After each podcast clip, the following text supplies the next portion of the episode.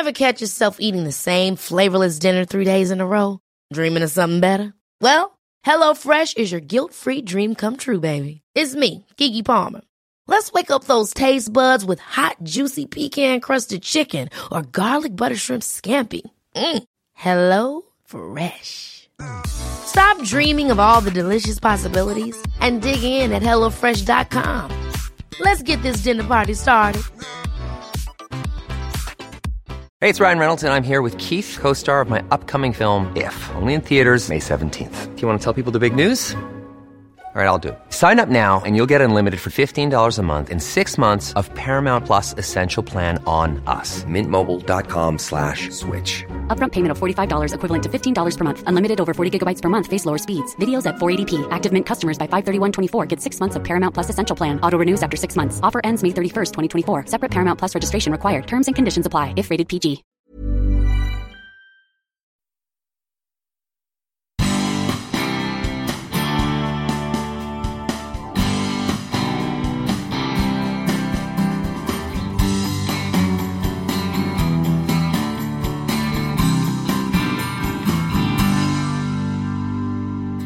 Spelade, vi hade ett nät i trädgården och så var det jag och mamma mot Anna. Eh, så att det, det är väl, det var ju så det började och liksom glädjen för volleyboll var en familjegrej. Det är så mycket man hade velat uppleva med honom och att, eh, också att han hade fått se och Anna spelar ju själv i franska ligan nu. Eh, så att eh, det är ju jättesynd att han inte finns det varje dag liksom och hoppas att han ser det någonstans. Och så ringde jag till min tränare liksom typ grät och bara får jag åka hem och ja.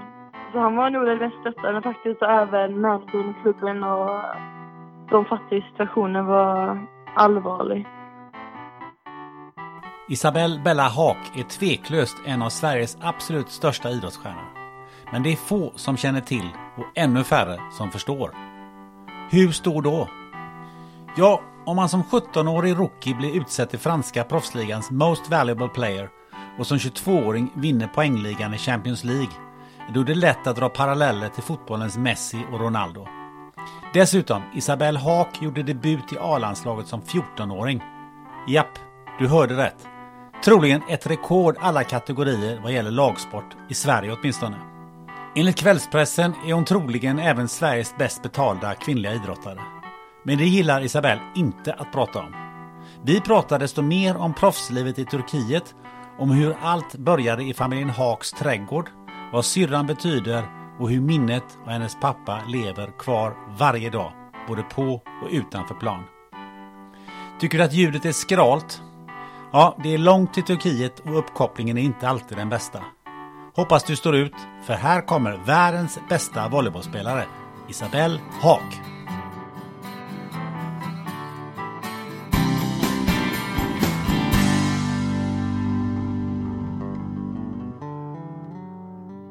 ...195 centimeter lång, 22 år, tjej, ljushårig. Hur är det att gå ut i centrala Istanbul?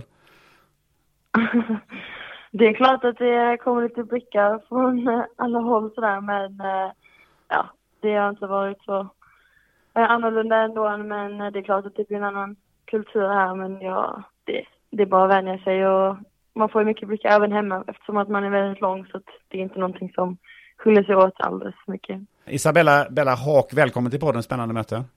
Mm, tackar. Du, eh, vi har en lite skrapig eh, linje eh, till Istanbul. Är det väl någon som sitter på ledningen någonstans på vägen. Men du, du får börja med att berätta, vad gör du i Istanbul? Jo, jag spelar ju volleyboll eh, på högsta nivå kan man väl säga, eh, i en klubb som heter Vakifbank. Eh, ja, och det är det jag gör just nu. Jag är inne på tredje året i Vakifbank. Hur hamnade du här?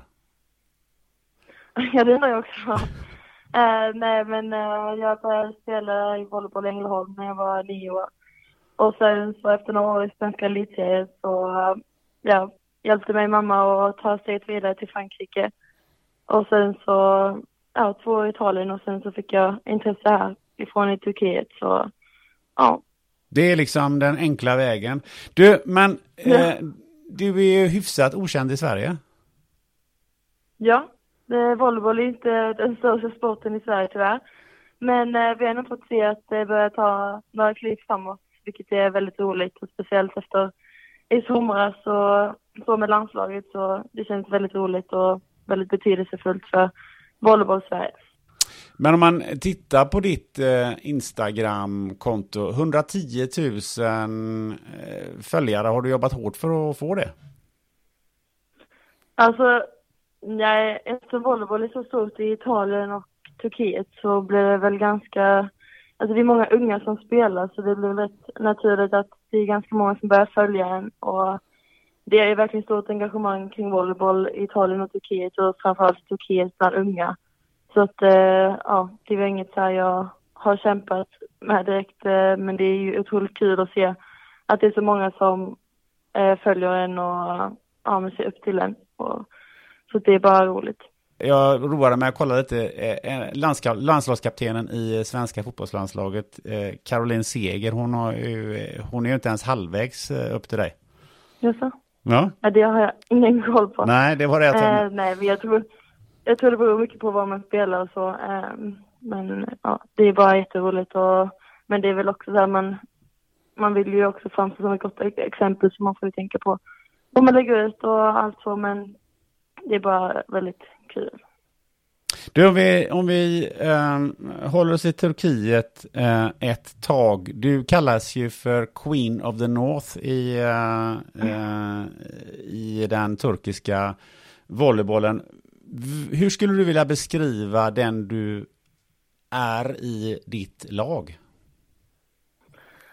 Um, alltså jag är ju fortfarande väldigt ung och jag har alltid haft väldigt mycket energi på plan och det är väl även så hemma att jag har mycket energi och ja men jag tycker det är väldigt kul att spela och nu har jag väl fått växa in i en större roll ändå när jag kommit hit och också i landslaget så att um, ja, jag vet inte, jag har väl vuxit som spelare och även tagit mer ansvar på planen men jag har också väldigt mycket energi och som tycker de är väldigt kul med de skandinaver och ja, så fick jag väl det smeknamnet. Du, men eh, hur skulle du själv vilja säga, vad, vilken betydelse har, har du eh, för laget på plan?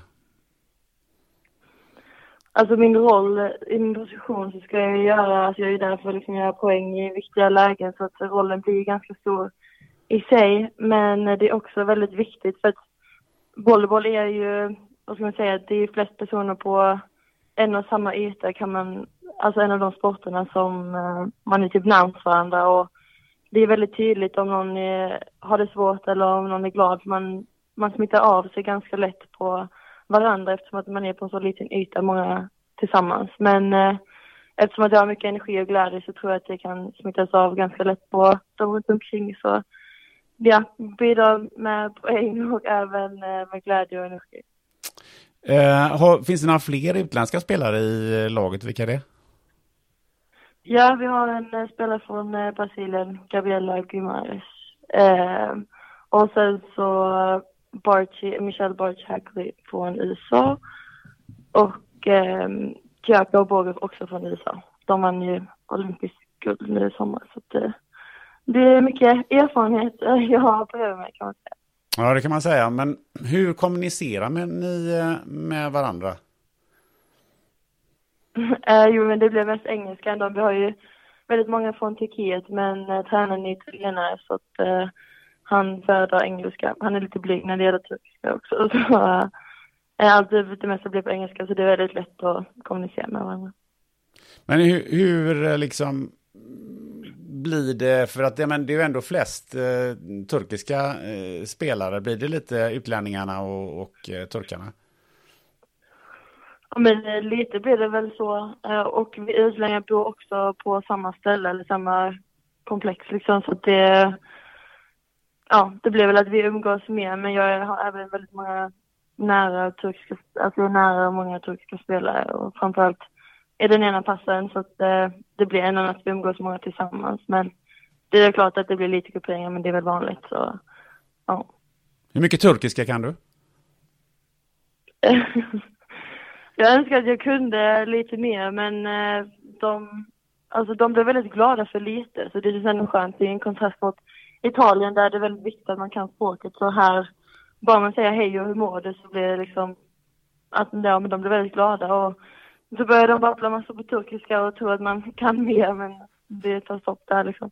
Nej men jag har faktiskt skrivit ner några ord jag kan och det, listan börjar bli längre och längre. Det är bara att jag inte kan bilda meningar liksom. Men ja, det är några ord hit och dit. Men kan du säga hej hur mår du på eh, turkiska? Merhaba nasılsın? Det låter ju väldigt likt eh, svenska tycker jag. Ja, men det är otroligt likt. Men eh, om man är där då, vad, vad, eh, har du hittat några favoriträtter och, och vad äter du för någonting där på, på dagarna? Alltså köfte är ju väldigt eh, turkiskt kan man säga. Eh, men eh, det jag har fastnat mest för är typ alltså bönor. det låter ju ganska kul. Men de är ju bra på det och eh, ris och sen så yoghurt brukar de ha till också så det det klassiska man eh, beställer om man vill ha något snabbt och enkelt och turkiskt. Då blir det bönor, ris och yoghurt. Ehm, ja, men eh, jag vet inte, jag är ganska enkel när det gäller mat så att, eh, det har varit väldigt... eh, De har mycket olika och även inte bara turkisk mat utan mycket annat. Och det är många restauranger som ja, har väldigt mycket på menyn så att, eh, det är väldigt kul att testa. Men och, har du fått några förhållningsorder vad du ska äta för någonting från, från klubbens sida?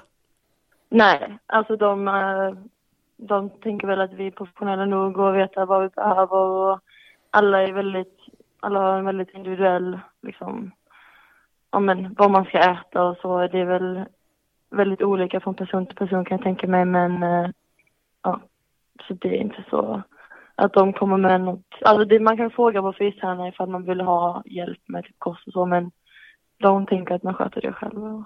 Och Hur är det att spela i Turkiet? Eh, vad, vad är det för stämning på läktaren?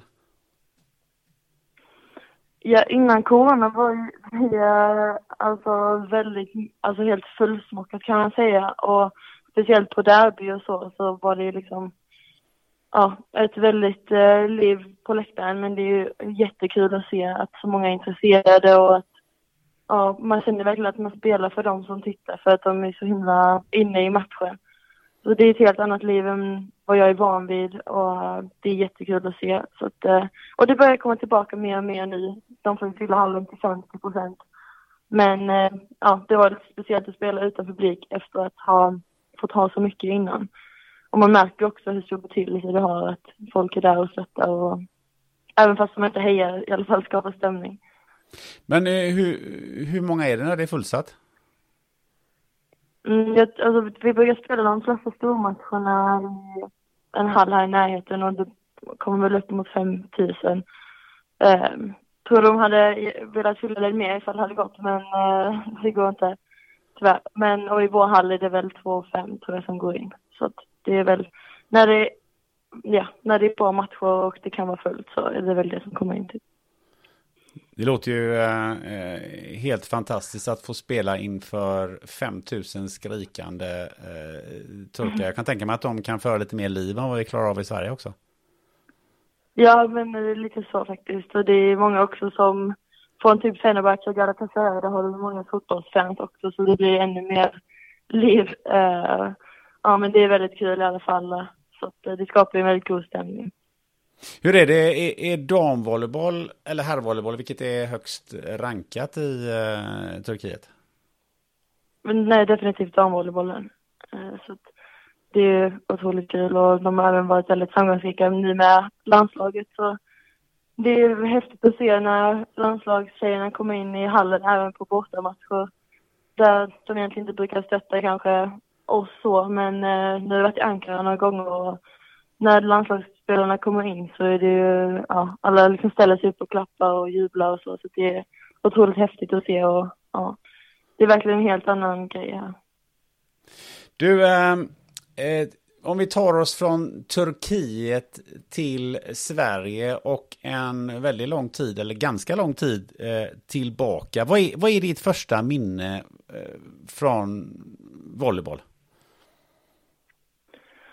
Eh, mitt allra första minne är väl eh, när jag, mamma och Anna, min syster, spelade volleyboll i trädgården hemma i lilla Perstorp. Eh, min syster började ju på eh, volleyboll i Perstorp men jag var för ung för att börja där i en klubb så vi spelade, vi hade ett nät i trädgården och så var det jag och mamma mot Anna. Eh, så det, det är väl, det var ju så det började och liksom glädjen för volleyboll och att det var en liksom familjegrej. Och sen när jag flyttade till Ängelholm att eh, ja, men jag fick chansen att börja äntligen på kidsvolleyboll och tränarna jag hade där, ja, det blev liksom glädje bara fortsatte och sen så på det spåret har, det, har jag bara fortsatt och jag tror att eftersom det blev någonting vi gjorde gemensamt i familjen så växte ju intresset också.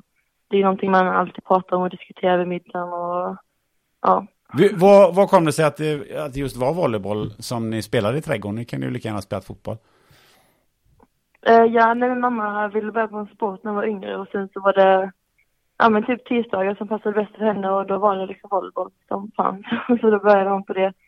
Och ja, hon spelade ett tag och ja, sen så blev det att hon tyckte väl det var väldigt kul så då föreslog hon det till mig och Anna också och testade och sådär. Gav oss en boll och sen så var det väl bara att testa. Vad sa du, hade mamma någon bakgrund inom volleybollen tidigare? Ja, hon eh, har själv spelat eh, i Lugi. Eh, och ja, det var väl volleyboll som passade bäst in i hennes, hennes schema. Så att eh, det var det som blev också. Och eh, hon har spelat det några år, eh, men slutade också ganska ung. Så. Hur skulle du vilja beskriva eh, mamma när hon höll på med er där i, när ni var så små och spelade volleyboll? Anna liksom själv på andra sidan fick eh, ja, men, passa sig själv och sparka och, och jag och mamma har alltid haft ett bra samarbete så det började väl där liksom. Eh, och det var en väldigt rolig gemenskap. Eh, så att, eh, ja, jag bara bra minnen från det. Vad, eh, syrran nämligen, vad, vad betyder hon för dig? Oj, hon betyder så mycket. Eh, det är väldigt häftigt att få dela en sån här upplevelse med henne. Eh, vi har ju växt upp tillsammans och uh, spelat i elitserien ihop och fått, göra, fått uppleva väldigt mycket känslor, både i vardagsliv men också på volleybollplanen. Och eh, ja, att få både spela mot varandra och med varandra är något otroligt speciellt. Och vi fick ju mötas i Champions League förra året, vilket vi aldrig trodde skulle hända. Eh, och lottades även med dem i samma grupp denna säsongen. Så det är ju väldigt speciellt att få dela sådana upplevelser tillsammans. Så det, hon betyder så mycket. Hon har alltid varit väldigt stöttande och jag ser verkligen upp till henne. Hon är en av de bästa jag vet. Hon är din eh, stora syster, jag förstår det hela rätt va? Ja, precis. Hon är tre år äldre. Och ni har spelat då uh, både mot varandra men även tillsammans i uh, landslaget nu då? Ja, exakt. Du, men hur fortsatte det där? Hur, du tog dig från trädgården eh, till någon kidsvolley. Eh, och vad hände sen? Ja, sen började man väl säga U13 och jag hade mamma som tränare bland annat. Eh, och eh, ja, U15 och U17 uppåt ikväll. det är väl de stegen man tar. Men eh, när allting började var väl i superettan, då var jag 12, 13. Eh, ja, och det var väl där egentligen utvecklingen tog fart. Eh, så att eh, jag fick träna med lite äldre och ja, det var bättre nivå i ligan och så. Man fick spela lite, eh, ja men högre nivå på matcher och så. så att det, och sen så därifrån fick jag vara med i elitserien året efter men jag fick inte spela så mycket. Eh, men det var en väldigt kul erfarenhet och jag också med Anna, min syster. Så, och sen så var det två efter det som jag eh, spelade fullt i elitserien och eh, ja, det var, det gick väldigt bra. du alltså, du började med kidsvolley när du var nio. Hur gammal var du när du gjorde A-landslagsdebut? Eh, 14, eller 13 eller 14. Vad liksom, vad tänkte du då? Det, det är ju ganska exceptionellt. Alltså jag tror inte jag tänkte så mycket. det var ju lite så när man var yngre, man bara, man bara körde på. Och det som var kul var kul och det var inte så att jag var nervös kanske lite lite så, utan jag tror jag såg det som något roligt. Ehm, och fick man chansen att komma in så vill man ju verkligen eh, visa upp sig och ja, det var väldigt häftigt att få ta det steget och spela med de äldre spelarna och mot eh, ja, men, erfarna spelare. Så att, eh, man, jag har ju själv liksom varit bollrullare på alla Ängelholms matcher liksom och ja, tagit autografer av de som har spelat i EV. Så att, det, att få vara en av dem sen som stod på planen var väldigt häftigt. Hur många gånger har du suttit på bänken efter det att du gjorde landslagsdebut? ja, det kanske inte är jättemånga. jag tänker på, jag, drar en, ja. jag drog en parallell där, eh, jag vet jag pratade med Bengt Gustafsson, han, han gick ju från division 4 till italienska mästarklubben på, tror jag, på två år. Ja. Han, sa, han satt aldrig på bänken någonsin i någon av de eh, lagen han, eh, han spelade. Jag kan tänka mig att du hamnat speciellt mycket på bänken när du är idag. Nej, alltså idag, alltså i turkiska ligan så kan man nog byta ganska mycket för det är ganska ojämn nivå på lagen. Så att, eh, ja, vi byter lite då och då, men i Frankrike och Italien där ligan är ganska jämn så var jag inte på bänken någon gång. Men de här landslagsdebut som 14-åring, eh, jag har ingen aning, men eh, det måste nog vara den tidigaste landslagsdebuten någonsin för någon i en, i en lagsport i Sverige i alla fall. Ja, kanske det. Jag vet inte, jag var yngsta för Volvo i alla fall. Men eh, ja, det är väl lite speciellt. Ja, men jag tänker Alexander Isak i, eh, i fotbollslandslaget. Han var ju eh, någonstans mellan 17 och 18 så att eh, han var ju lastgammal jämfört med dig. Ja, exakt. Ja, nej, men jag var ju väldigt ung. Man tänkte ju inte på det så när man var i den åldern. Men nu, när jag tänker att jag var 14 så låter det ju verkligen, alltså då var man ju verkligen liten. Men det var inget man tänkte på då, typ. Eh, eller inte på samma sätt som man kan se tillbaka på det nu. Du, eh, vi sa att du var en och, att du är 1,95. Eh, du sa att du var liten. Var du 1,95 redan när du eh, gjorde landslagsdebut? Nej, alltså inte riktigt kanske. Jag, jag vet inte hur lång jag var faktiskt. Men jag var ju lång, men inte, inte färdväxt. Eh, för jag tänker 1,95, det är ju, det är ju exceptionellt långt, lång för att vara eh, tjej och, och, i vanliga fall så brukar man ju eh, på något sätt eh, eh, ja, men när tjejer börjar bli väldigt långa, eller killar också för den delen, att man på något sätt kanske sätter in eh, no, någon sorts eh, stopp, att man inte ska bli hur lång som helst och sådär. Men, men det var liksom aldrig någonting som eh, någon funderar på dina föräldrar och sådär. Uh, jo, det var faktiskt en diskussion. Uh, både, alltså min pappa var 1,94 och mamma är 1,82 ungefär. Och, uh, så vi var väldigt långa i familjen och även mammas bror och så.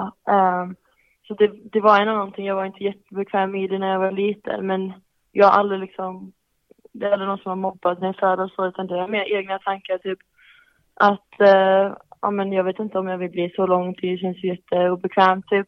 Så att vi funderade ju på man kan ju sätta in något i knäna typ som, ja, som stoppar men då kan ju fortfarande överkroppen fortsätta växa så det var också så här, kändes inte som ett bra alternativ och det finns ju massa andra vägar men ja, vi typ snackade om det lite men till slut var det inget jag funderade på längre utan det kändes eh, ja men jag kände väl jag får väl växa så får vi se. Eh, man kunde ju se typ ungefär hur lång jag skulle bli. Eh, och även fast det kändes väldigt långt så var det nog någonting som jag till slut kände att nej men det, det känns okej okay, typ och det har aldrig varit något som har känts jobbigt efter jag tog beslutet. Typ. Men jag tänker på, du var 14, gjorde landslagsdebut, hade volleybollen. Hur hade det varit eh, om du inte hade haft eh, volleybollen och haft den längden tror du? Alltså jag var ju lång redan innan eh, jag började spela. Alltså det var ju och jag alltid, eller jag, det, har inte, det har inte varit något problem för mig. Eh, och även i Perstorp typ var jag längre än många av mina klasskamrater men det var aldrig någonting som jag kände var jobbigt. Eh, och sen såklart att när jag började med volleybollen så var det ju, ja men det kändes väldigt skönt att det var ju en bra förutsättning till just det så att, ja, det är väl någonting som, alltså jag vet inte, det hade inte spelat så stor roll egentligen på det men, ja.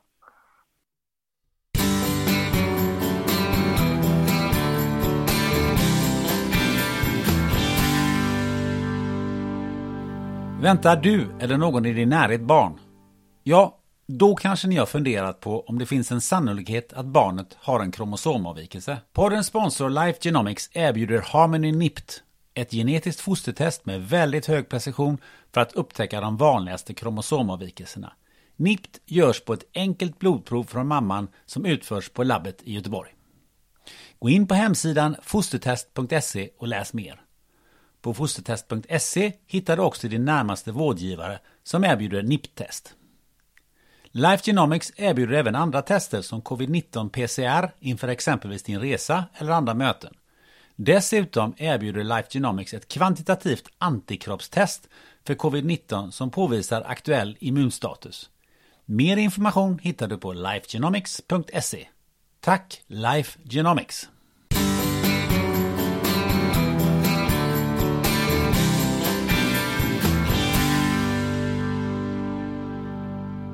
Vi pratade lite landslaget här. Ehm, jag kan tänka mig att eh, för väldigt många så fick man upp ögonen i höstas för eh, ert eh, spel i, i EM där ni ja, egentligen var tippade tror jag som, eller sämst rankade i, i turneringen. Ehm, men hur var den känslan när ni började känna att vi kan nog ta oss framåt här mer än vad, än vad rankingen eh, och vad andra tror? Jo, det började egentligen på kvalet. Eh, vi visste att det skulle bli svårt. Ehm, men vi började med en väldigt viktig vinst. Så jag tror att den vinsten satte ribban lite. Att vi kände att men gud, vi kanske har det här. Och alla hade kommit tillbaka från sina säsonger i liksom toppform. Och, ja, men vi lyckades ändå på något sätt på en eller två veckor spela ihop oss. Jag kom ju liksom en vecka innan vi skulle åka. Uh, ja, så det vi hade egentligen inte hunnit träna ihop oss så det var otroligt eh, häftigt att vi lyckades ändå. Så att, jag tror efter kvalet kände vi att vi hade potential. Och uh, ja, och sen visste vi att vi hade en svår grupp uh, under själva EM också. Men uh, vi började ju matchen mot Finland, det började ganska, mm, det såg ganska mörkt ut efter två set. De ledde ju 2-0. Och sen så på något sätt lyckades vi vända och vinna 3-2. Det var ju det poänget som sen avgjorde vilka som tog sig vidare från gruppen. Så vi förstod inte hur viktigt det sättet skulle vara i, i slutändan, men eh, det är väldigt häftigt att se ett landslag som inte har lyckats prestera på så många år att faktiskt lyckas och eh, liksom inte ha några förväntningar men ändå på något sätt kunna verkligen göra en bra insats. Eh, och vi har ju många erfarna spelare nu som spelat utomlands så jag tror att det har varit nyckeln. Att vi har tagit med oss mycket från våra klubbar och eh, lyckats sätta ihop det tillsammans. Um, så det var otroligt eh, kul att få uppleva. Ja, inte nog med att ni gick vidare från gruppen. Ni tog ju faktiskt vidare till kvartsfinal också. Efter ja. att ni slog eh, Bulgarien. Kan du bara säga några ord om den matchen? Ja, vi hade ju... Eh, jag hade ju snackat om den här matchen, att vi skulle spela inför deras hemmapublik och eh, Diana, vår andra kapten, hon eh, hade skrivit i gruppen innan liksom att tänk om vi lyckas tysta dem, typ. Att se så här visionen framför oss och eh, det, ja, jag får lite gåshud när jag pratar om det för att det var ju det vi lyckades göra. Eh, det var ju jättemycket liv på läktaren och det såg ju inte ljus ut i början. Vi började inte så bra och sen så bara lyckades vi vinna och faktiskt uh, tysta ner dem till slut och det var så uh, häftigt. Uh, det är inte så mycket man kan säga om den matchen som än att det bara var ren lycka. För det var ju inte nog med att det var i EM, det var ju dessutom i Bulgarien. Ja, exakt. Det var mot deras hemmafans. Ja, fantastiskt. Eh, men du, om vi tar oss tillbaka till lite grann eh, efter att du hade spelat några säsonger i Ängelholm så, eh, så landade du i Frankrike.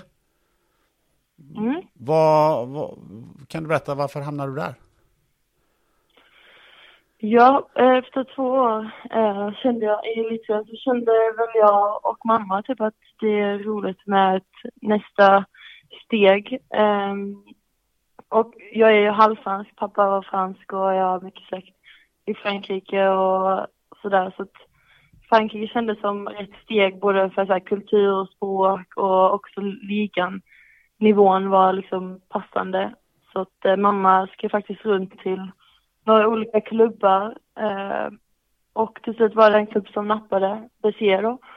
Eh, så att ja, mamma var lite manager och jag lyckades hitta en klubb så att jag fick åka dit och provträna och sen så, ja, då blev det ett signat kontrakt. Eh, när du säger pappa var fransman, kan du berätta lite om din pappa? Ja, eh, han gick tyvärr bort i cancer när jag var nio. Så att, eh, ja, det, det var väldigt speciellt att få åka till eh, Frankrike och spela där eftersom att vi har lite släkt och så. Men eh, och jag tror pappa hade varit väldigt stolt över det. Men det är såklart synd att han eh, ja, inte fick vara med och uppleva det på plats. Och, ja. Du lärde dig franska som andraspråk hemma eller hur kom franskan in? Ja, pappa pratade franska med oss men vi svarade ofta på svenska. Eh, så det är alltid något som har varit eh, i familjen och jag, alltså jag förstår typ allt på franska. Det är bara att eh, när man inte pratar regelbundet så är det klart att eh, det är svårt att hitta ord direkt men eh, det är alltid något som har varit i familjen och vi hälsade på vår farmor där i typ tre veckor varje sommar. Och ja, så det är någonting som vi alltid har haft eh, i vardagen. Eh, hur mycket var du i Frankrike som barn? Nej, vi var ju där med pappa några veckor varje sommar och eh, pratade med farmor varje vecka på telefon. Eh, så att, eh, det var mest Anna som hade långa samtal, min knackliga franska var jättelångt. Men eh, jag förstod i alla fall vad hon sa och så försökte jag bara på min franska försöka prata. Men det var väldigt mysigt och viktigt ändå att varje vecka få prata med henne och behålla liksom alla våra gener från Frankrike och prata med släkt och så, för det är väldigt betydelsefullt och någonting man måste liksom ta vara på. Eh, och farmor bodde på, mitt på landet med mycket djur och så. Vi har, ja, blivit, ja, vuxit upp där med, ja men med fransk kultur och så det har varit väldigt fint faktiskt. Varifrån i Frankrike var han? Eh, men Aurillac heter det. Är det i närheten av där du spelade sen? Ja, jag spelade i typ eh, sydväst kan man säga, så det är ganska nära ändå. Så det var några släktingar som kunde komma, även fast de är väldigt eh, utspridda. Så... Vad, vad betyder eh, din pappa idag? Vad, vad har du med dig av honom idag? Eh, nej men tyvärr fick vi inte jättemycket, eller jättemånga år tillsammans men jag har ju väldigt många minnen ändå och de starkaste är väl ändå, vi brukar åka till Skäralid och det var väl en så här liten familjeaktivitet eh, och det var väldigt, var väldigt mysigt och ja men han var väldigt lekfull och ja, vi har fått väldigt, vi fick väldigt många fina år tillsammans så man får vara väldigt tacksam över det. Men eh, man inser ju nu att det, det är så mycket man hade velat uppleva med honom och att, um, också att han hade fått se och Anna spelar ju själv i franska ligan nu. Eh, så att eh, det är ju jättesynd att han inte finns med oss idag men man får väl, man får vara väldigt tacksam för, för den tiden man fick. Finns han med där någonstans eh, på plan ibland? Ja, men det är klart. Jag minns vi spelade någon, en cupmatch i Frankrike, det var cupfinal och ja, det var, jag kände typ att, eh, nej men det var för honom vi spelade och många av hans nära vänner och släktingar var där så det var otroligt häftigt och även idag, jag tänker på det varje dag liksom och hoppas att han ser det någonstans. Mm. Du, eh, men tillbaka till mamma. Eh, hon var någon sorts agent för dig, eller vad ska man kunna säga? Ja, men hon var lite manager kan man väl säga. Jag hade ju ingen agent och visste inte hur någonting funkade egentligen så man var inte jätteinsatt till internationell volleyboll. Eh, det är inte så att boll, eftersom volleyboll inte är så stor i Sverige har jag inte så, eller jag hade inte så stor koll på hur stor det var utomlands. Ehm, så att eh, mamma fick agera manager men sen så i Frankrike lyckades en agent eh, se mig spela och sen så via honom då så hade han kontakt med Italien för han är också italienare. Och då blev det ja, men naturligt att jag signade eh, för ett italienskt lag så att mamma fick vara manager i början sen så fick jag en, en agent som kunde hjälpa. Men hur gammal var du när du kom till Frankrike då? Eh, 17, eller jag tror 16, 17. 17. Var, flyttade du dit själv eller hur eh, fungerade det? Nej, mamma flyttade med mig. Jag hade ju två, eller jag hade ju hela gymnasiet kvar. Eh, eller två år kvar på gymnasiet. Så att, eh, ja, vi fick hitta en distansskola och eh, ja, mamma, utan mamma så hade jag aldrig kunnat ta det steget om inte jag hade haft henne. Alltså, att plugga på distans eh, och liksom, ja men, ta hand om sig själv utanför planen när man är så ung och också kunna prestera tror jag, alltså det hade aldrig gått i den åldern helt själv tror jag. Eh, så det var väldigt viktigt att hon flyttade med, annars tror jag inte ens det hade gott överhuvudtaget. Så mamma och hunden fick flytta med eh, och vi, ja men vi lyckades hitta typ ett hus mitt på stranden i en stad i närheten av klubben jag spelade i. Så att det blev en, alltså, ja, det blev en väldigt bra lösning och hon hjälpte mig mycket med skolan. Hon var ju en extra lärare för mig också. Eh, Så det var väldigt betydelsefullt. Men vad, vad gjorde mamma när hon inte var lärare åt dig? Jobbade hon på distans eller vad gjorde hon? Eh, nej, hon eh, pausade liksom jobbet och så och eh, flyttade med mig.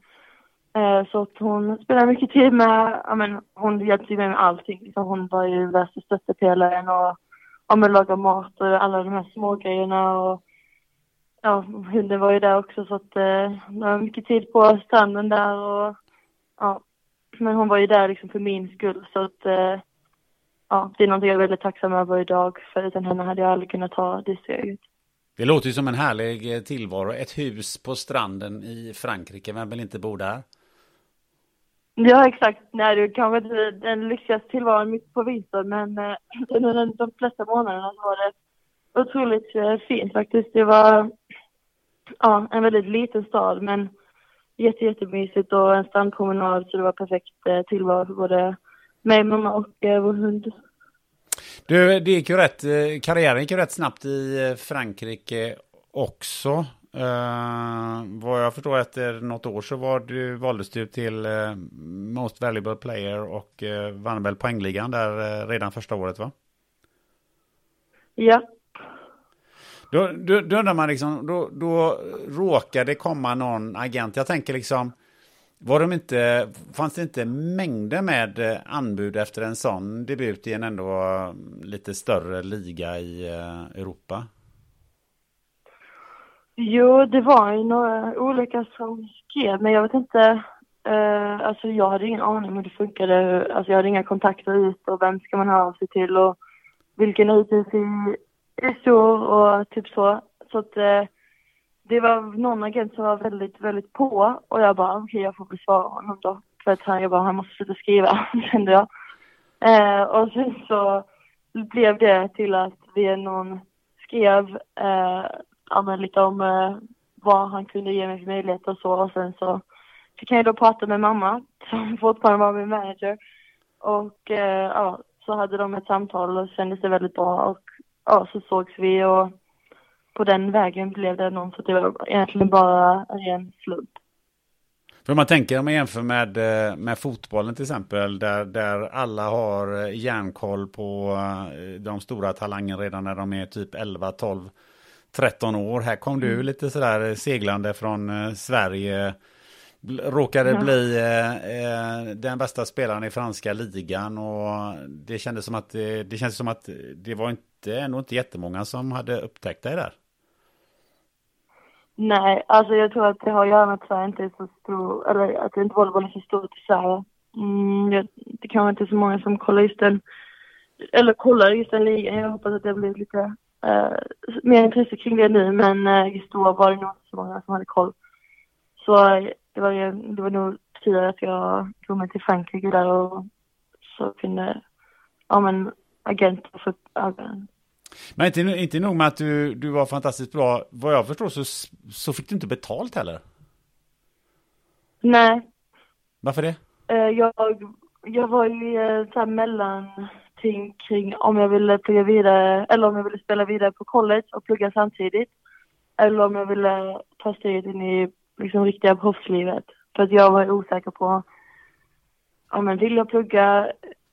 För jag, alltså jag hade inte ens avslutat gymnasiet och sen ska man då ta beslutet till liksom, ifall man vill fortsätta plugga. Det är också liksom i USA på ett annat språk och med volleybollen, ja men inte hundra procent. Det var genom volleybollen jag åkte till Frankrike för och ville nog fortsätta på det hundraprocentiga steget. Så att jag och mamma ritade upp ja, men så här, vilken väg skulle passa bäst och ja, men vi fick fundera på det ett tag och kolla mer på den internationella ligan och till slut föll det ganska naturligt att jag ville ta mig till proffslivet och eh, man, men det, jag kunde inte tjäna pengar för att man får inte ha fått någon inkomst om man vill ta steget till USA och börja på college. Så det var därför jag tog det kontaktet i Frankrike. Eh, så. Men det var verkligen inte klart då vad jag ville göra utan det var någonting jag funderade på ett väldigt långt tag. Hur, hur är din relation till det tankar, tankar kring studier och så idag?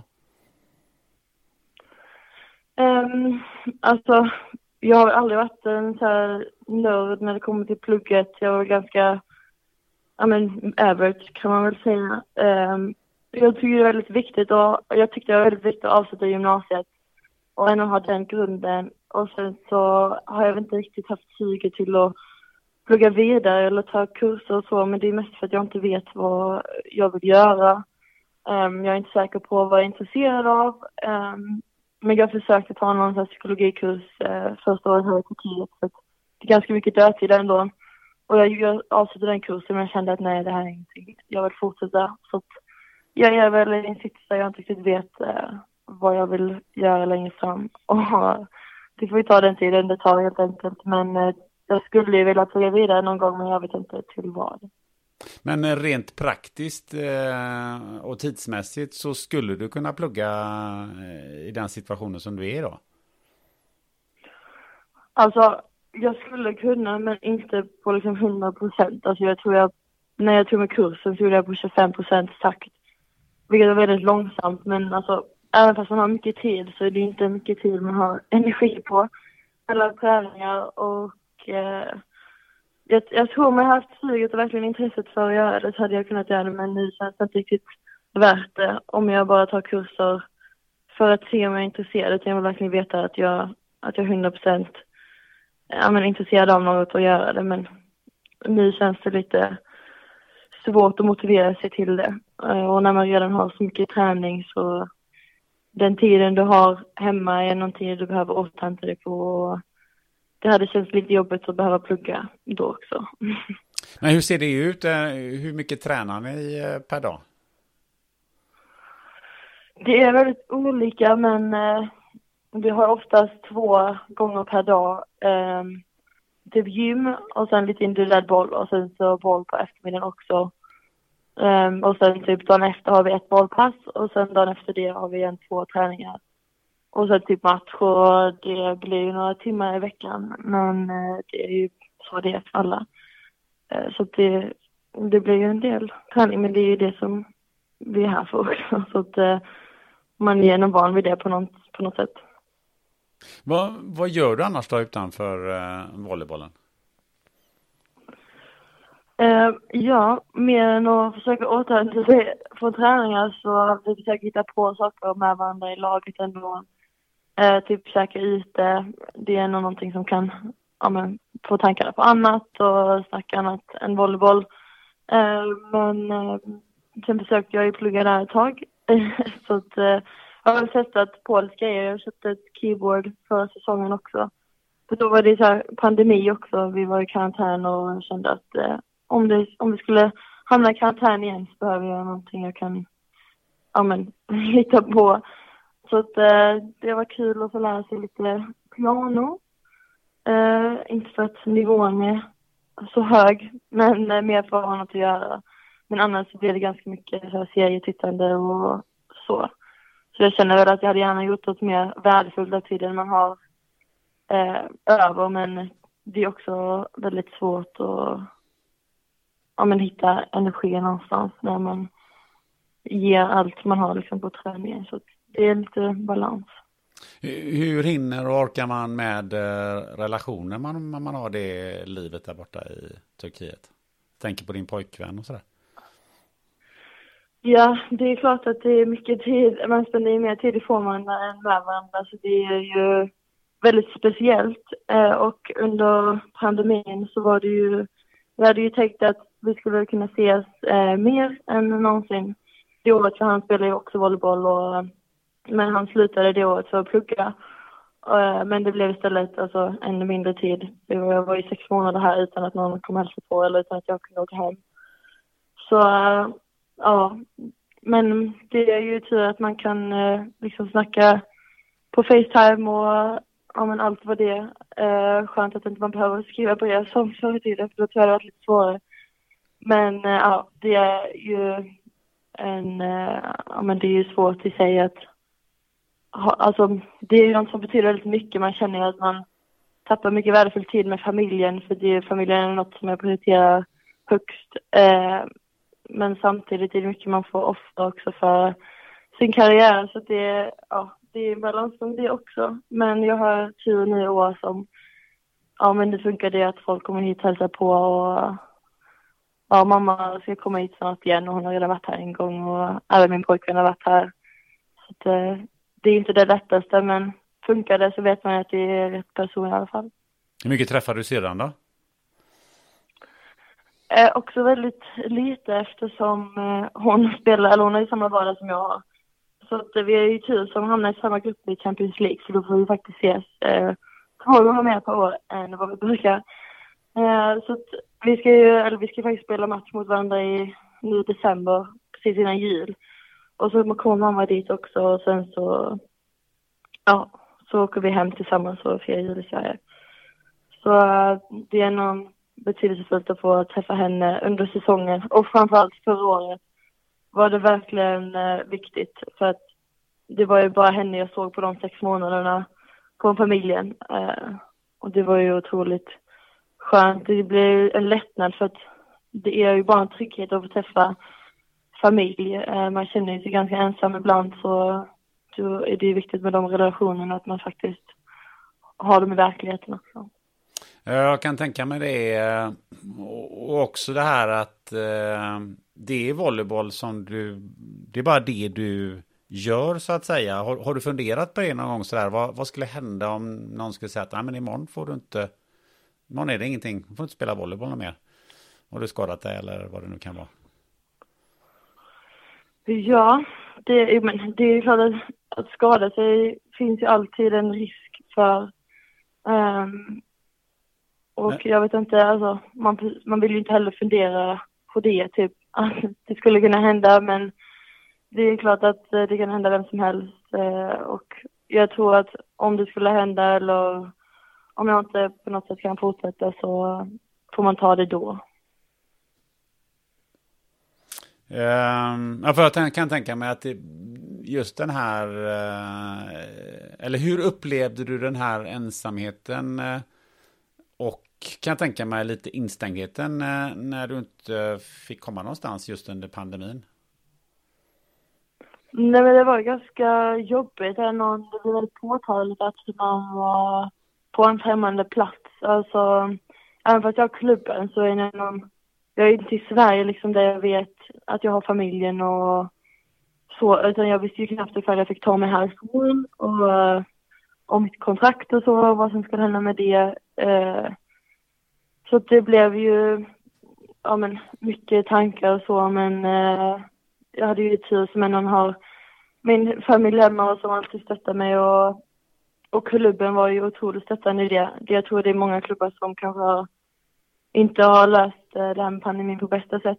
Eh, men min tränare var verkligen helt fantastisk och han sa väl typ så här, om du måste åka om du känner att du behöver det. Eh, för att ligan hade typ avslutats. Han sa typ, du känner efter själv om du känner att du måste åka hem så får du göra det. Gick det att åka hem? Ja, jag, det gick faktiskt. De, jag tror Norwegian eller Turkish Airlines hade satt in ett extra flyg Eh, precis eh, när jag skulle kolla ifall det fanns fler, för det var ju typ inte så många som gick. Det var något med tre byten som gick hem till Sverige och sen så kollade jag dagen efter så hade de satt in ett extra och då kände jag att jag måste boka det. Och så ringde jag till min tränare liksom, typ grät och bara, får jag åka hem? Och ja, så han var nog den mest stöttande faktiskt och även managern i klubben och de fattade ju situationen var allvarlig och att man vill vara på en trygg plats så att eh, då fick jag faktiskt åka hem till slut. Hur länge var du hemma då? Um, vad var det ja? Det var väl i mars. Um, så det blev tre månader hemma tror jag. Sen så skulle ju försäsongen börjar första juli istället för liksom första september för att vi avslutade ligan tidigt och vi behövde en jättelång försäsong. Så jag hade väl försäsong typ två och en halv, tre månader. Eh, och det var också väldigt speciellt. Eh, men man fick ju lika mycket tid hemma som man brukar få, men det var bara att det var på en annan... Alltså det började väldigt tidigt och sen så mitt i sommaren så fick man åka till Turkiet och det är någon, ja, sommaren jag är van vid att vara hemma så att det var speciellt. Hur är Istanbul eh, mitt i sommaren? Väldigt varmt. Eh, även fast jag gillar värme och så, så är det Ja, det, det är ju väldigt eh, varmt, speciellt när man ska träna inomhus. Eh, och eh, Asien kan inte alltid funka, så det lite annat. Och också bo i en stad där det är så här, det är ju inte så att du är nära till havet eh, direkt. Du kan ju bada i Bosporen här, men, eller ja, men det var ju kanske inte någonting man gjorde bara sådär. Eh, så Ängelholm är van vid att ha nära till havet och så, så att det var mitt inne i storstan ändå liksom, ja, den varmaste delen av sommaren. Så att det var också lite speciellt i sig. Men om du hade velat ta dig till havet, hur, hur långt hade du haft då? Alltså vattnet är ju, det är ju precis här, den här på spåret, men eh, vi var väl åkte, det var några eh, spelare från USA som hyrde någon yacht typ, eh, som vi åkte på en gång och kunde bada i havet liksom, men eh, det är lite mer komplicerat än att bara dra till stranden hemma. Liksom. Så hade man velat hade man väl kunnat, men det är inte riktigt på samma sätt. Hur många invånare har Istanbul ungefär? Eh, typ 18 miljoner ungefär. 18 miljoner, det är två gånger Sverige nästan. Ja, ja det, det är det som är det väldigt annorlunda. Hur tar man sig ens fram i en sån här stad? Ja, man gör ju det med bil, men knappt bilen tar sig framåt för att det är så mycket trafik. Jag tror det enklaste är, ja men, uh, motorcykel typ, men uh, det är också livsfarligt känns det som. Uh, så jag vet inte. Det går inte riktigt att gå någonstans och man cyklar inte heller för det finns inte riktigt vägar för det. Um, så att, det blir ju bil. Men alltså, jag har ju väldigt nära till hallen. Men det kan ta allt från liksom fyra minuter till 25. Med bil tar det mellan 4 och 25 minuter? Ja. Det är liksom mindre än en kilometer. Okej, okay, det är nästan bättre att gå då eller? Alltså egentligen, men det finns inte direkt någon väg att gå. Alltså du kan ju gå eh, lite smågator men det är inte så att det finns trottoarer som i Sverige eller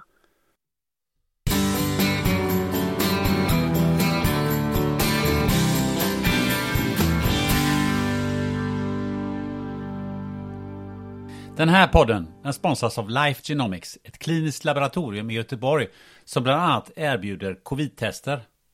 Har du precis bokat en resa på kort varsel och behöver PCR eller antigentest för covid-19? Ja, då kan du gå in på coronapassport.se för att hitta en vårdgivare i din närhet och boka en tid för test och friskhetsintyg. Life Genomics har samarbete med ett 150-tal kliniker över hela Sverige. Och om du reser från Arlanda eller Landvetter så kan du nu även testa dig direkt ute på flygplatsen vid Life Genomics Lab i samarbete med vårdgivaren Express Care. Där kan du få ett antigentest med reseintyg inom 30 minuter och ett PCR-test och reseintyg inom 2-4 timmar. Så, gå nu in på expresscare.se och boka din tid direkt. Tack Life Genomics!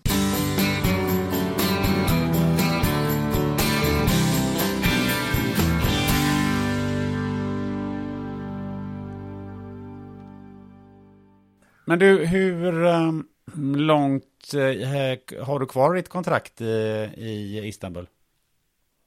Detta är mitt sista. På, jag hade ju treårskontrakt så inne på sista säsongen. Mm -hmm. Vad händer sen då? Mm -hmm. ja, det får vi väl se. Har du några sådana här drömmar när det gäller volleyboll och vad, vad du vill, skulle vilja befinna dig framöver? Eh, nej, det är svårt tänker jag. Eh, alltså klubben är helt fantastisk. Jag har aldrig varit med om bättre eh, organisation kring eh, ungefär allting. Eh, och jag har aldrig känt mig tryggare i en klubb. Eh, men jag blir också så ganska uttråkad snabbt på ställen. Så det är klart man vill upptäcka mer. Men eh, jag vet inte. Alltså diskussionerna kring att byta klubb eller stanna brukar komma efter eh, december, typ januari, februari, mars. Eh, så vi får väl se vad man känner då. Det är ju svårt att säga nu men eh, det är klart man vill testa nytt men jag känner mig också väldigt eh, bra här så att ja, det är svårt. Men jag menar rent eh, nivåmässigt så spelar du ju en av världens kanske två, tre bästa klubbar redan nu. Egentligen eh, så är jag på en väldigt bra plats och det känner jag också men man vet aldrig vad man känner sen men eh, jag är väldigt eh, tacksam över att få vara här. Det är ju en väldigt speciell klubb. Vad, vad, skulle du vilja uppnå volleybollmässigt? Nu spelar du ju både i landslaget, har spelat EM, du har varit i Champions League-final. Um, mm. vad, vad, är liksom, vad är målen? Vad skulle du vilja uppleva? Alltså, jag hade ju ett, ett mål som jag haft sedan jag liksom tog mig utomlands och vinna Champions League. Vi var ju nära förra året men lyckades inte. Eh, det är det största man kan göra i ett klubblag. Men också World Club eh, Championship som är nu i december. Eh, det är också ett mål vi har i klubben. Eh, så det hade ju varit väldigt stort och det italienska laget Corneliano som har vunnit allt, typ. De har ju 70 raka vinster nu. Det är ju de vi står inför i alla de här finalerna. Så det är väl det man vill knäcka för en gångs skull och jag har ju kämpat nu i tre år snart med Basketbank här så att vi vill verkligen komma åt den här första platsen i Champions League och World Cup Championship. Hur är det med landslaget då? Vad, vad är målen där? Um, ja, vi, uh, nu har vi kvalificerat oss till EM 23. Så målet är väl att kunna först och främst skapa ett eh, långt bra träningsupplägg men också alltså, kunna prestera igen på ett EM. Att det inte bara var en så här engångsföreteelse liksom utan att det kan hända igen. Um, och uh, även spela Silver League och kanske ta vidare till Golden League. Um, ja, men lite delmålen och på vägen till EM uh, igen. Så att, uh, Vad tänker du kring OS då? Alltså det var ju ett mål innan när vi jobbade med SUK med landslaget men jag tror vi satte målet lite väl högt med tanke på vad vi var i situation, alltså vad vi var i ja, men, nivån vi hade på landslaget då. Eh, men eh, det är ju ett väldigt högt mål och jag tror man behöver uppnå vissa saker först. Som att vi får spela EM igen på 40 år. Det känns svårt att ha OS som mål om man inte har kommit till EM liksom. Eh, så jag tror vi behöver uppnå några saker på vägen innan vi kan sätta upp det som mål. Men eh, fortsätter vi så här och alla fortsätter spela nu som vi hade förra året och lyckas få den yngre generationen också få några talanger därifrån så jag vet man ju aldrig men eh, just nu är det väl också några år bort känns det som i OS men man hoppas ju att Sverige någon gång kan lyckas sätta volleybollen på kartan även där. Vad, vad tror du behövs för att gå till OS för Sverige? Ja men först och främst behöver vi väl de lite resurser och så. Det är inte, vi har inte haft så lätt med träningsupplägg och läger. Um, och ja, det är ju fortfarande folk som behöver jobba liksom och plugga under landslagstid. Eh, för att det ska gå ihop så att vi behöver väl ha en lite bättre grund. Behövs det en eh. Bella Haak till? uh, ja, men, nej, jag vet inte men det är klart att vi behöver, alltså vi har en ganska stabil grund med de spelarna vi har nu men det behövs ju alltid nya generationer som kommer in. Det är så i alla landslag och ja, för att skapa en ännu, en ännu stabilare grund till laget eh, så hade det varit väldigt eh, viktigt. Men eh, det känns ju som att volleybollen i Sverige kommer mer och mer nu så att förhoppningsvis kommer det upp några spelare till underifrån som kan hjälpa till. Det känns ju som att eh, när man tittar på er att eh, du får ju dra ett enormt lass för att ni ska ta er fram. Ja, det blir så. Jag har en stor roll här i laget men det blir ännu större i landslaget. Och där även erfarenhet, eh, alltså erfarenhetsmässigt eh, behöver jag ja, men ge väldigt mycket och, och lära ut kanske och föregå som ett bra exempel och jag vet inte, dela med mig av mina erfarenheter. Men eh, det, ja, jag, vi har ju mycket ansvar i landslaget även nu när jag fick vara lagkapten i somras. Så det var ju något väldigt nytt men också nyttigt. Eh, och eh, ja, det, det, är någonting man får liksom växa in i. Du, jag tänker på, eh, du har ju en viktig roll som kapten i, eh, i svenska landslaget eh, tillsammans med dina, dina spelare. Eh, hur, hur, mycket snackar man med motståndarna nu för tiden eh, eh på plan? Alltså, typ så här försöka psyka menar du? Ja, för jag tänker jag lägger det till relation till min egen eh, volleybollkarriär som ligger way back. Ja. Men om man tänker sig på 80-talet så var det oerhört mycket trash talk eh, mellan och under nätet. Hur är det idag? Uh, inte så mycket uh, faktiskt. Eller ja, inte där jag har spelat i alla fall. Det, det sker säkert mellan vissa klubbar där det är så stora derbyn och så, men inte, jag har inte upplevt någonting eh, så faktiskt. Du är inte den Nej. som driver eh, snacket på plan gentemot motståndaren? Mm. Nej, jag skulle inte säga att jag är den, eh, det är inte min personlighetstyp. Uh, att göra det. Så att, nej, försöker mig, alltså man ska ju försöka fokusera på sitt eget lag och inte för mycket på det andra laget. Så att, eh, men ja, det är ju vissa som tycker sånt är kul så. Hur mycket är tillåtet av sånt eh, idag innan domaren sätter stopp? Jag vet faktiskt inte. Alltså, det får inte bli så här fysiskt i alla fall. Jag vet inte ifall de ser så mycket trash talk så, att man kanske skriker, men eh, ja, börjar det bli fysiskt så kommer domaren in från ena taket till det andra taket. Ehm, jag tänker på eh, media. Vad är din relation till media? Eh, eh, jag har väl en bra relation till media. alltså volleyboll har aldrig varit så här jätteutmärkande. En jätteutmärkande sport i Sverige. Eh, men det har kommit mer och mer och det har bara att det är kul att få bidra till att det blir större. Så jag har aldrig haft någon liksom, dålig relation till media på det sättet. Hur, hur är media i Turkiet då du?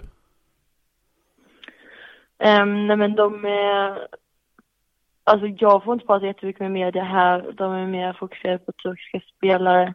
Det var väl kanske i början när jag kom hit som det var mer, men uh, de är klart uh, på uh, och ja, det är ju en lite större sport här så det är klart att de det är många spelare som intervjuas eh, ganska ofta. Det är en sak som media eh, ju gillar att snacka om och om man googlar lite på dig så eh, inser man ju det och det är ju pengar. Mm. Hur, eh, hur hanterar du det?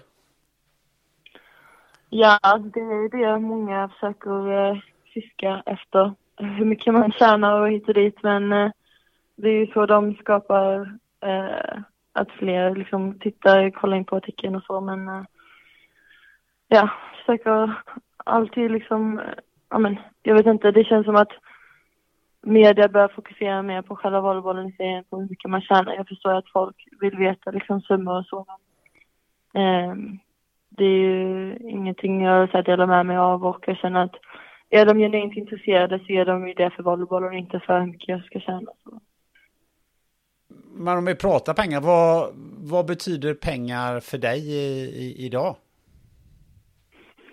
Alltså, ärligt talat, jag har alltid varit... Eh, jag har alltid känt att så länge jag, eller jag måste ha glädje för det annars. Så, för att ger man och ger man av sig själv hela tiden och får någonting tillbaka i liksom form av glädje eller motivation för att fortsätta så känns det väldigt svårt att vara kvar på ett ställe. Så att eh, det som för mig framåt är att jag fortfarande tycker det är kul. Och äh, även fast de hade gett mig liksom fett kontrakt som, och jag inte hade varit glad på något ställe så hade jag kunnat stanna. Så att eh, det är alltid liksom att jag ska må bra för att, som är först, för att mår man inte bra själv så eh, blir det, känns det svårt att prestera som den spelare man är liksom.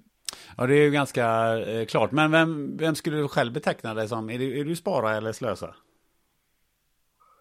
Eh, slösa tror jag. ja, ja alltså jag tycker det är väldigt kul att ge. Eh, så att jag, ja, jag gillar att köpa presenter och så. så. Men ja, inte så mycket kanske till mig själv mer, men till andra. Vad, vad, vad, lägger man pengar på när man bor som du, tränar så mycket och sådär? Vad, vad är den största utgiftsposten för dig? Mat, absolut. Eh, det är ju det jag lägger pengar på. Mat? Eh, man, ja, mat. Man är ju lite bortskämd också. De har ju så här applikationer för mat eh, som de har lite nu i Stockholm också. Att de levererar liksom färdigt så. Men eh, de har ganska brett utbud här. Så att eh, man kan även beställa varor liksom från affärer så man kan liksom laga mat hemma. Men eh, ja, det blir mycket beställa eh, hemmat och också typ gå på restauranger och så. Eh, men det gör vi också som med laget och utanför, efter träningar så att vi går ut och käkar så att det blir mest det som man lägger pengar på. Jag liksom aldrig, jag shoppar aldrig så mycket utan ja, det är mat som gör mig glad också så att det blir mest pengar på det. Vad, vad är det för mat som gör dig mest glad då? Oj, eh, alltså jag är verkligen en eh, godisälskare och jag gillar söta grejer men eh, man får också kanske balansera det lite men eh, jag, jag vet inte, jag tycker det är kul att gå på restaurang, vi har ett väldigt bra sushi-ställe här och uh, så det kanske är mest det som eh, man lägger pengar på men eh, den maten som gör mig gladast är mest typ så här efterrätt så. Efterrätter? ja. Men hur är ja. det där när ni, när ni går ut och käkar? Går ni på vissa restauranger så de säger ah, nu bjuder vi på middag idag och liksom sådär? Eller vad är, vad är statusen när ni kommer ut? Nej, det är inte så. det, jag vet inte, det är inte så. Jag tror inte att så många känner igen oss på det sättet egentligen. Eh, men eh, nej, det har aldrig hänt. Det har aldrig hänt? Nej. Du, äh... Eller så de kanske har känt igen oss, men inte så att de bjuder på liksom middag. Nej, det trodde jag. Nej, nej tyvärr. It's that time of the year. Your vacation is coming up. You can already hear the beach waves, feel the warm breeze, relax and think about work. You really, really want it all to work out while you're away. Monday.com gives you and the team that peace of mind. When all work is on one platform and everyone's in sync, things just flow wherever you are. Tap the banner to go to Monday.com. Hey, it's Ryan Reynolds, and I'm here with Keith, co star of my upcoming film, If, only in theaters, May 17th. Do you want to tell people the big news? All right, I'll do it. Sign up now and you'll get unlimited for $15 a month in six months of Paramount Plus Essential Plan on us. Mintmobile.com slash switch. Upfront payment of $45 equivalent to $15 per month. Unlimited over 40 gigabytes per month. Face lower speeds. Videos at 480p. Active Mint customers by 531.24 get six months of Paramount Plus Essential Plan. Auto renews after six months. Offer ends May 31st, 2024. Separate Paramount Plus registration required. Terms and conditions apply if rated PG. One size fits all seemed like a good idea for clothes. Nice dress. Uh, it's a it's a t-shirt until you tried it on. Same goes for your healthcare. That's why United Healthcare offers a variety of flexible, budget friendly coverage for medical, vision, dental, and more. So, whether you're between jobs, coming off a parent's plan, or even missed open enrollment, you can find the plan that fits you best. Find out more about United Healthcare coverage at uh1.com. That's uh1.com. Um, Du, eh, men i övrigt om du tänker dig, eh, om vi tänker lite framåt. Du spelade ju volleyboll i 22 år och kan tänka mig att det, det är görsvårt. Du spelar ju lätt 10 år till i, eh, i, på, på hög nivå om du får vara hel och frisk och sådär. Men, men vad, vad tror du? Vad, vad står det om sådär en 10-15 år? Har du lurat på det någon gång? Jo, men det är klart man har. Eh, alltså, jag värderar verkligen familjen högst av allt. Och jag vet inte, jag tycker det är svårt att tänka mig att jag ska spela i tio år till. Alltså jag har nog varit ute, vad är det sjätte året. Eh, och jag, jag vet inte. Mm, jag tänker man får ta år, varje år som det kommer. Eh, men eh, jag värderar också liksom komma hem och ja, men, fortsätta mina relationer där hemma för det sätter jag nog lite på paus när man är här och, och så. Så jag vet inte, jag känner nu att jag vill ha familj och så men inte liksom än. Men jag vill inte heller vara, komma hem och vara, ja men, jag vill inte heller komma hem och vara gammal eller vad ska jag säga. Alltså jag känner mig ganska ung och, och så, så jag vet inte.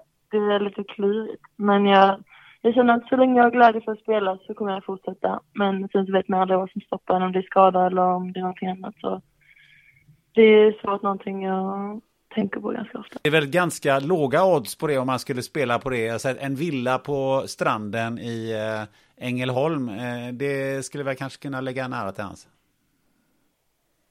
Ja, alltså nej, jag vet inte om jag vill eh, bo i Ängelholm kanske, men eh, ja, jag vet inte, jag hade väldigt gärna bott i Sverige ändå när jag, när jag väl bestämde mig för att flytta hem. Uh, det var när min pojkvän har ju landställe i skärgården i Stockholm, så det är ju någonting som blockar också, måste jag säga. Mm, storstan? Ja, men ändå lite på landet så. Men vi har ju touchat lite grann vid, eh, vid eh, OS. Um ehm, jag tänker så här, om framtid, om du vill spela OS någon gång så skulle jag ju misstänka att du får ta dig ut på stranden och göra det än att kanske göra det i ett svenskt landslag. Alltså jag, mm. inte för att jag ska eh, bäsa era, era chanser eller säga att ni inte kommer dit, det kanske ni gör, mm. men, men om du ska om du ska ta dig ända fram till, till toppen i, i OS så skulle jag gissa att du skulle få göra det eh, själv så att säga tillsammans med någon partner givetvis. Eh, uh, hur, hur, ser du på beachvolleyboll och, och, och de möjligheterna? Uh, alltså jag tycker beachvolleyboll är jättekul. Uh, jag har spelat uh, lite och tävlat lite på liksom, ungdomsnivå.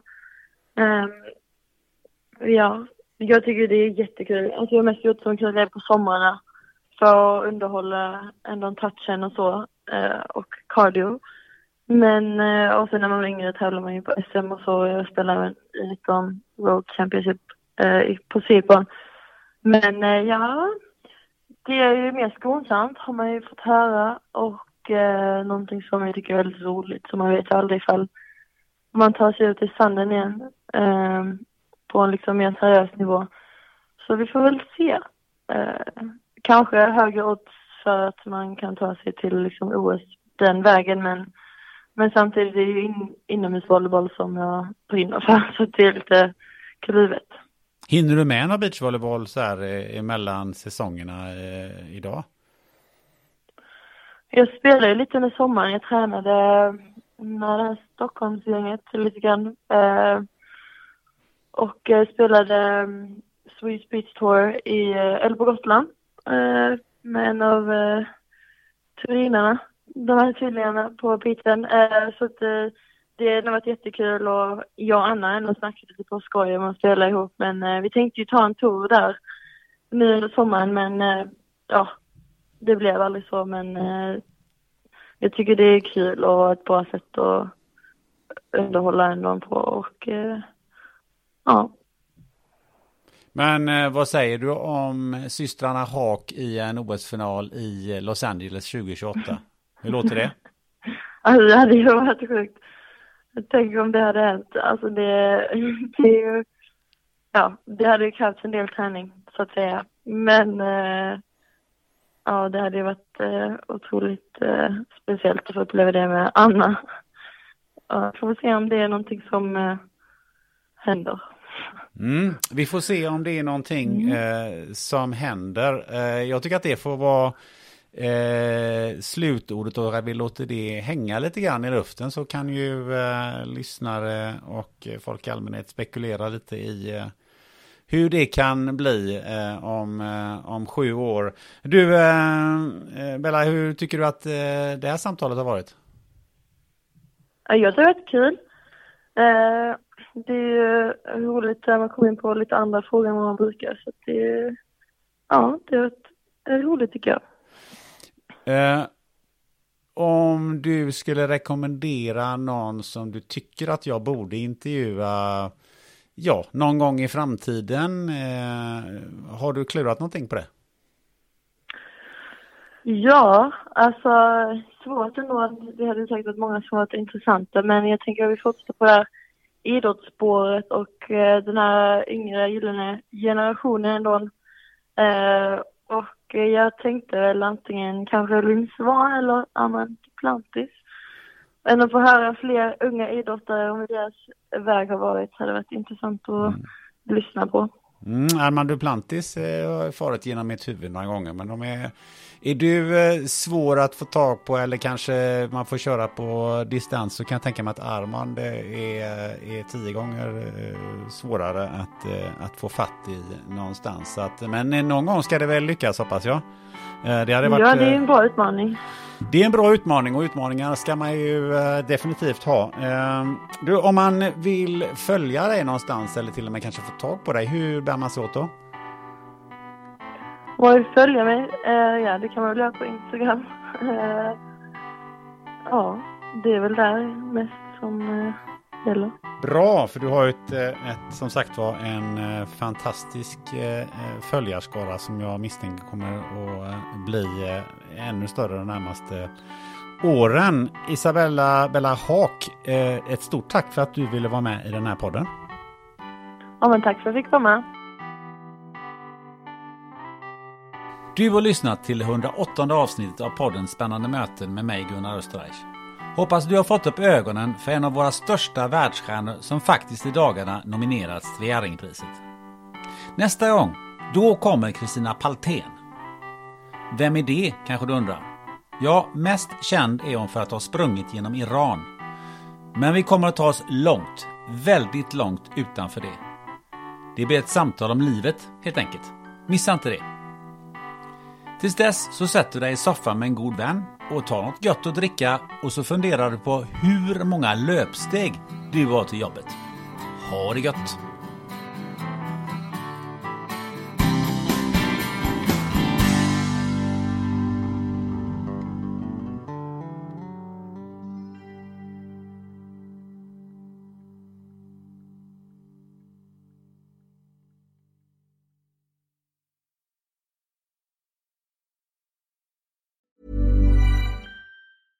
Ever catch yourself eating the same flavorless dinner three days in a row? Dreaming of something better? Well, HelloFresh is your guilt-free dream come true, baby. It's me, Gigi Palmer. Let's wake up those taste buds with hot, juicy pecan-crusted chicken or garlic butter shrimp scampi. Mm. Hello Fresh. Stop dreaming of all the delicious possibilities and dig in at HelloFresh.com. Let's get this dinner party started. Hi, I'm Daniel, founder of Pretty Litter. Cats and cat owners deserve better than any old-fashioned litter. That's why I teamed up with scientists and veterinarians to create Pretty Litter. Its innovative crystal formula has superior odor control and weighs up to 80% less than clay litter. Pretty Litter even monitors health by changing colors to help detect early signs of potential illness. It's the world's smartest kitty litter. Go to prettylitter.com and use code ACAST for 20% off your first order and a free cat toy. Terms and conditions apply. See site for details.